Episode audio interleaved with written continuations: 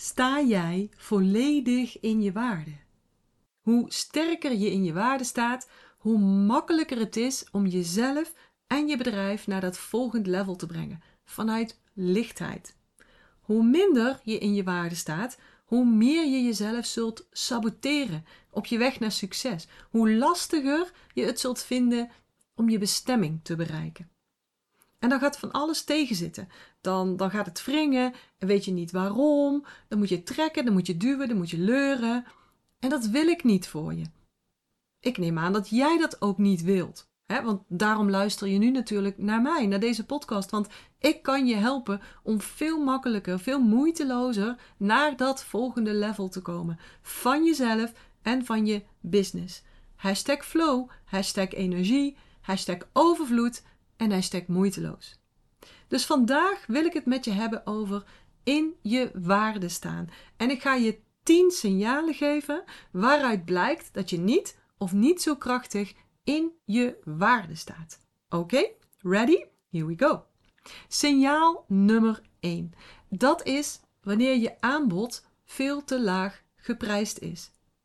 Je weet gewoon dat je veel meer waard bent en toch is je aanbod te laag geprijsd. Je weet dat je aanbod ook veel meer waard is. En toch ga je er niet voor staan. Je twijfelt en je maakt je druk over wat anderen zeggen of er misschien wel van zouden, eventueel zouden kunnen gaan denken. Je gaat dus in je eigen gecreëerde verhaaltjes geloven. dat mensen dit niet kunnen, of dat ze dit niet gaan betalen, of uh, dat het crisis is, of nou wat dan ook. Maar zal ik eens wat zeggen? Je hebt gelijk. Want datgene wat jij denkt, dat waar je energie in steekt, daar trek je meer van aan. Hashtag ik ben het niet waard. Hashtag het is crisis. Hashtag ik ben te duur. Je saboteert jezelf door jezelf deze verhaaltjes te vertellen. Ja, maar de armste mensen moeten ook ergens terecht kunnen. Ja, maar het is crisis. Er is inflatie. Het is, nou, wat dan ook. Maar laten we die twee voorbeelden bijvoorbeeld eens um, bekijken, die verhaaltjes. Ja, de armste mensen moeten ook ergens terecht kunnen. Maar is het dan zo dat ze nu nergens terechtkomen? Is dat zo? En is dit de groep waar jij het liefste mee werkt? Is dit jouw ideale klant? Onderzoek dat eens. Want als dit jouw ideale klant is, als dit graag, of als dat dit is wat jij graag doet, dan moet je dat gaan doen. Maar je moet nooit je aanbod gaan aanpassen op je ideale klant. Het werkt andersom. Je zoekt je ideale klant bij jouw ideale aanbod. Daar begint het. Je begint bij je aanbod. Je begint bij wat jij te bieden hebt. En dan ga je daar jouw ideale klant bij zoeken. Ja, maar het is crisis. Het is inflatie. Whatever. Heb je gezien hoeveel mensen er nu op vakantie zijn? Heb je gezien dat de duurste hotels allemaal vol zitten? Heb je gezien dat mensen nergens op besparen? Niet op de reis, niet op het eten, niet op uh, de dingen die ze daar kunnen doen. Nergens op. Kijk eens naar de horeca, die zit hartstikke vol. Alle winkels, ik weet niet of je op zaterdag wel eens in de stad komt, ze lopen over, benen buiten. Geld is overal. Alleen jij kiest ervoor om jezelf te saboteren. Dus signaal nummer 1: jouw aanbod is te laag geprijsd. Ga eens uitrekenen voor de gein wat jij per uur overhoudt. En reken dan alle tijd, hè? ook alle extra tijd. Alles rekenen en dan kijken wat je per uur overhoudt. Je aanbod is waarschijnlijk te goedkoop geprijsd. En wat daar dan meteen mee meekomt, is dat je de prijs ook niet durft te verhogen. Je huur is meer geworden, je boodschappen zijn duurder geworden, de benzine is duurder geworden. Alles, alles, de verzekeringen, alles is duurder geworden. En jij zit nog steeds op datzelfde tarief. Hoe lang al? Je ervaring is misschien, nou, is misschien, is toegenomen. Je expertise is misschien toegenomen. En nog steeds ben je niet gaan verhogen. Ben je niks extra gaan rekenen? Ben je ook niks extra gaan rekenen voor extra werk?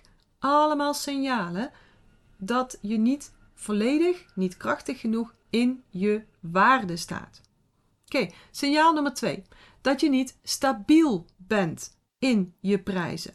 Bijvoorbeeld in de prijs die jij voor je aanbod vraagt. Dan laat je bijvoorbeeld vriendinnen gratis meedoen aan je programma. En de buurvrouw, want ja, die kan het ook zo goed gebruiken.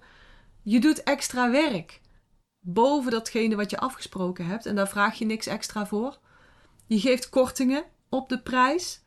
Ook nooit zo'n goed idee. Je kunt beter iets extra geven, meer bonussen geven, maar geen korting geven op de prijs. Jouw waarde moet niet naar beneden gaan. Je kunt wel meer waarde leveren nog, maar je moet nooit tornen aan jouw waarde. Want op een gegeven moment wordt de waarde steeds minder, steeds minder, steeds lozer, waardelozer.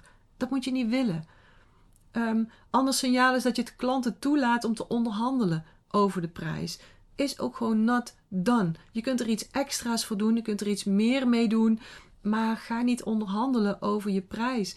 Allemaal tekenen dat je niet voor je waarde staat. Derde signaal. Je werkt veel te veel. Je maakt lange dagen. Je werkt misschien zelfs wel s'avonds. Misschien werk je zelfs wel in de weekenden. Er is geen balans tussen werken in je bedrijf en werken aan je bedrijf en werken aan jezelf en de me-time en, en familietime en, en tijd die je met vrienden doorbrengt. Er is, die balans is eruit.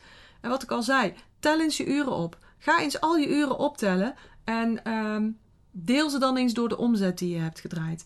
Wat verdien je dan per uur? Wat verdien je dan per uur? En dan kun je afvragen: is het wel slim dat ik aan het ondernemen ben als je zo weinig per uur verdient? Waar doe je het allemaal voor? Dus ga in je waarde staan. Ander signaal is dat je ook alles zelf wil doen. Dat je veel te veel taken daardoor op je neemt, die ook uitbesteed kunnen worden. Denk aan administratie, aan boekhouding, aan, aan graphic design, nou wat het ook kan zijn. Dat je geen vertrouwen hebt in de anderen. Dat je denkt dat je alles altijd beter kunt. En misschien is dat ook wel zo, maar dan nog moet je alles zelf doen. Vaak, toch is dit vaak een, een, een onbewust sabotagegedrag. En dat komt uit het niet in je waarde gaan staan. Want je zult merken dat als je dit wel gaat doen, als je wel in je waarde gaat staan, dat je waarde dan eens ineens ook heel erg omhoog schiet. Dus te veel werken, uh, bang zijn om nee te zeggen, angst hebben om klanten te verliezen, om, om geen werk meer te hebben, overal ja tegen zeggen, ook al word je er moe van, dat sloopt je. En het is een signaal dat je niet in je waarde staat. Dit heeft ook weer alles te maken met signaal nummer 4. Met goed grenzen stellen. Signaal nummer 4 is dus dat je niet zo goed grenzen kunt stellen. Als je afspraken steeds uitlopen, als je steeds over je tijd heen gaat met sessies of met lessen, dan is dat een signaal dat je niet voldoende in je waarde staat. Want anders dan doe je dit niet. Jouw tijd is namelijk geld waard. Dus daar moet je niet zo luchtig mee omgaan. Daar moet je serieus mee omgaan. Tenzij je er natuurlijk voor kiest om iemand VIP te begeleiden. één op één. En dat je die personen alle mogelijkheden geeft om, om te verbinden met jou, om, om te contacten met jou. Maar dan is dat bewust. En dan creëer je daar ook een bewust passend aanbod bij met een passend tarief. Zoals ik zelf bijvoorbeeld heb gedaan. Ik heb een traject van 6 maanden, 12 maanden. Dat is een grotendeels één op één traject. Er zitten wat groepselementen in, maar die krijg je er als bonus bij. Dus het is een één op één traject. Je hebt mij ook altijd on speed dial, laat maar zeggen. Je mag me altijd WhatsAppen. En dat kan ik niet doen voor eenzelfde bedrag als wat ik zou vragen voor een online groepstraining. Kan gewoon niet. Ik red dat niet in mijn tijd. En dus ook niet in de omzet die ik voor ogen heb. Mijn traject kost 5000 euro exclusief BTW. Zes maanden traject, één op één begeleiding. Maar ik ken ook zelfde soort trajecten en die kosten 15k, 20k. Ook voor zes maanden. Ook met één op één erin. En dat is in Nederland. En in Amerika is het al helemaal meer. Dus besef dat. Ga in je waarde staan. Ga je grenzen bewaken. En zorg ervoor dat je dus niet zo uh, losjes met je tijd omgaat. Dat je niet steeds uitloopt, bijvoorbeeld. Dat je dat blokt in je agenda. Dat je jezelf daar ook aan houdt. Dat je nee gaat durven zeggen. Bijvoorbeeld bij mensen die, eh, die zeggen: Ik kan alleen maar in het weekend. Ik kan alleen maar op zaterdag komen. Of dat jij zegt: Ja, maar mijn doelgroep kan alleen maar s'avonds. Prima als dat oké is voor jou. Maar jij bepaalt je aanbod en daar zoek je dan de mensen bij. Niet andersom. Dus als jij graag s'avonds wil werken of op zaterdag, helemaal goed. Als je er bewust voor kiest, trek je de mensen aan die daarbij passen. Maar zeg jij, ik wil gewoon overdag werken, s'avonds ben ik gewoon niet genoeg op energie, ben ik niet meer gefocust, dat wil ik gewoon niet graag, dan ga je de mensen daarop aanpassen. Niet andersom, want dan is het een teken dat je niet goed genoeg in je waarde staat. Of een ander voorbeeld, stel je bent uh, graphic designer en je staat toe dat jouw klanten voortdurend extra wijzigingen aanbrengen, eh, of aanvragen eigenlijk, revisies aanvragen, zelfs als dit buiten de oorspronkelijke overeenkomst valt, zonder dat hiervoor een extra vergoeding tegenover staat. Dan sta je niet in je waarde. Vraag daar een extra vergoeding voor. Regel dat. Zet dat op je website. Zet dat in de overeenkomst. Maar ga in je waarde staan. Ga in je waarde staan. Vijfde signaal. Tel je mee ondertussen? De vijfde is constante zelfkritiek. Dus heb jij voortdurend negatieve gedachten over jezelf, over je prestaties, over je capaciteiten, dan sta je niet voldoende in je waarde. Dan, dan heb je een gebrek aan zelfvertrouwen en aan eigenwaarde, want dat heeft er natuurlijk alles mee te maken. Maar ook negatieve overtuigingen over geld en over het hebben van mooie spullen. Jezelf dat niet gunnen is dat je niet voldoende in je waarde staat. En ik hoor het excuus wel eens: ja, maar dan ben ik niet integer. Dat is echt een excuus. Het is echt een excuus om niks te hoeven doen aan het in je waarde gaan staan. Niet handig. Niet handig, want, want dit beperkt je gewoon enorm in het behalen van financieel succes, in het behalen van overvloed, van moeiteloosheid. En als je constant aan jezelf twijfelt, zelfde verhaal. Zelfkritiek, zelftwijfel, zelfde verhaal. Allemaal een signaal dat je dus niet, niet voldoende in je waarde staat. Ook niet gek als je dat hebt, als je daar last van hebt, dat je dan ook voortdurend op zoek bent naar externe validatie. En dat is signaal nummer 6. Als jij niet, niet voldoende in je waarde staat, dan ga je dat bij anderen willen halen. Dus dan ga je op zoek naar goedkeuring en waardering bij en van anderen. Dan ben je ook gevoelig voor kritiek. Dan, dan heb je, je neiging, de neiging om je eigen mening en je eigen behoeften opzij te schuiven en aan de verwachtingen van anderen te voldoen. Maar de grap is, ja, eigenlijk is het helemaal niet grappig natuurlijk.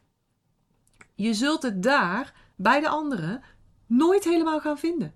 Pas als je dit in jezelf gaat voelen en dan echt gaat voelen hè, van binnen, ik voel dit voor mezelf, dan pas gaat dit voldaan voelen. Geloof mij.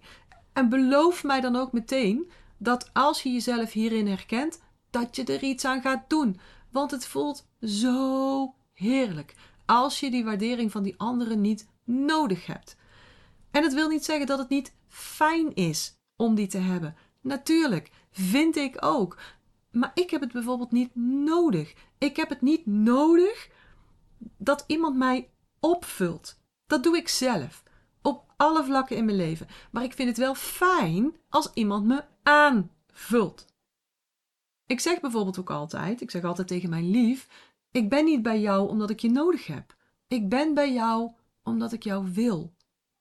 Zo'n verschil. Denk daar maar eens over na. Ik ben niet bij jou omdat ik je nodig heb. Ik ben bij jou omdat ik het wil, omdat ik jou wil. Zo belangrijk om, om jezelf op te vullen. En wat de anderen je dan geven, is mooi. Is, ik zou bijna zeggen bijvangst. Is super fijn. Maar niet nodig, want je moet eerst jezelf datgene geven waar je behoefte aan hebt. Oké, signaal nummer 7 heeft hier ook weer een beetje mee te maken. En is dat je jezelf vaak vergelijkt met anderen. En het is helemaal niet nodig. Natuurlijk kun je af en toe eens bij de conculega kijken. En natuurlijk kun je inspiratie opdoen. Maar doe dat dan niet om jezelf of dat wat je doet te valideren. Doe ik het wel goed? Want dat weet je toch niet als je jezelf met anderen vergelijkt. Voorbeeld, ik had uh, van de week een klant en die, was, die is bezig een bedrijf op te zetten. En ze is bezig om haar beste aanbod nu uit te werken. En ze had bij iemand anders op de site had ze een heel goed voorbeeld gezien, dacht ze. En ze zei: Oh, zo, zoals die dat op die site doet, dat wil ik ook. Die heeft allemaal korte trainingen erop staan. Maar wat ze niet zag en wat ik ondertussen al wel zag, gewoon vanuit mijn ervaring in business, is dat op die site stond niet het grote aanbod, maar stond een, een kleiner aanbod, eigenlijk meer een lead magnet. dus dus een, een, een, uh, een aanbod om nieuwe leads, nieuwe klanten naar binnen te trekken. Het grote aanbod komt nog. Dat, dat zit daarachter. He, want als je dus een, een allerbeste aanbod hebt, dan kun je daar weer een klein stukje uithalen. En dat zou je dan, dat noemen ze een downsell, kunnen maken. Dus als mensen jouw beste aanbod niet willen kopen, dan kun je ze eventueel nog met een kleiner stukje daarvan laten beginnen. En vanuit dat grotere aanbod, het beste aanbod, zou je ook weer kleine stukjes kunnen halen, echt snippets, die je dan weer weg kunt zetten als gratis trainingen in een webinar of bijvoorbeeld een korte training, een kleiner, een, een klein gratis of laaggeprijsd aanbod. Dat noemen ze een lead magnet. Maar achter iedere lead magnet, weet ik ook, zit weer een funnel. En daar zit dan weer uiteindelijk dat beste aanbod in. Dus als je daarnaar kijkt als startende ondernemer, als je met die onderneming aan het starten bent, dan zou je dus denken: zo moet het. Dit is mijn aanbod. Maar dat is niet zo. Het is een uitloper vanuit het beste aanbod, wat helemaal niet op die site staat. Dus denk daar goed over na en, en, en ga dus aan de slag met je allerbeste aanbod. Wat is jouw allerbeste aanbod? Hoe help je jouw mensen het allerbest? daarna ga je dan daar weer andere aan, aan kleine aanbiedingjes uithalen. En ga je je mensen daarbij aantrekken. Dus als je niet, niet weet hoe het zit, dan zou je misschien met dat vergelijken tot een heel andere conclusie komen. Dus je weet niet wat erachter zit. En je gaat misschien een, een verkeerd patroon aannemen voor jezelf. Zo ga je vanuit onzekerheid misschien wel jouw fantastische beste aanbod aanpassen. Omdat je denkt, die doet het zo goed, zo moet het, ik ga het ook doen. Nee, het kan dus heel anders zijn dan het lijkt. Dus ga jezelf niet vergelijken met anderen, want dat is link. Je kunt er de verkeerde informatie uit opdoen. Je kunt je er ook minder waardig door gaan voelen. Niet doen dus. Niet meer doen. Oké, signaal 8. En het ligt allemaal een klein beetje bij elkaar en het ligt een beetje in elkaars verlengde. En signaal 8 is bang zijn voor afwijzing. En dan ook van alles doen om afwijzing te voorkomen. En teleurstelling kan ook een vorm van afwijzing zijn. Hè? En perfectionisme trouwens. Perfectionisme hoort ook in dit rijtje thuis. Bijvoorbeeld, stel je hebt een fantastisch aanbod. En je weet dat je daar veel meer van zou verkopen als je het gaat aanbieden in een webinar of in een lunch and learn of in een live presentatie. Maar je blijft het maar uitstellen, je blijft het maar uitstellen, want wat als er niemand komt? Wat als er niemand koopt? Wat nou als ze het niet goed vinden? Wat als ze er iets van gaan denken? En na zes maanden heb je nog steeds niks staan.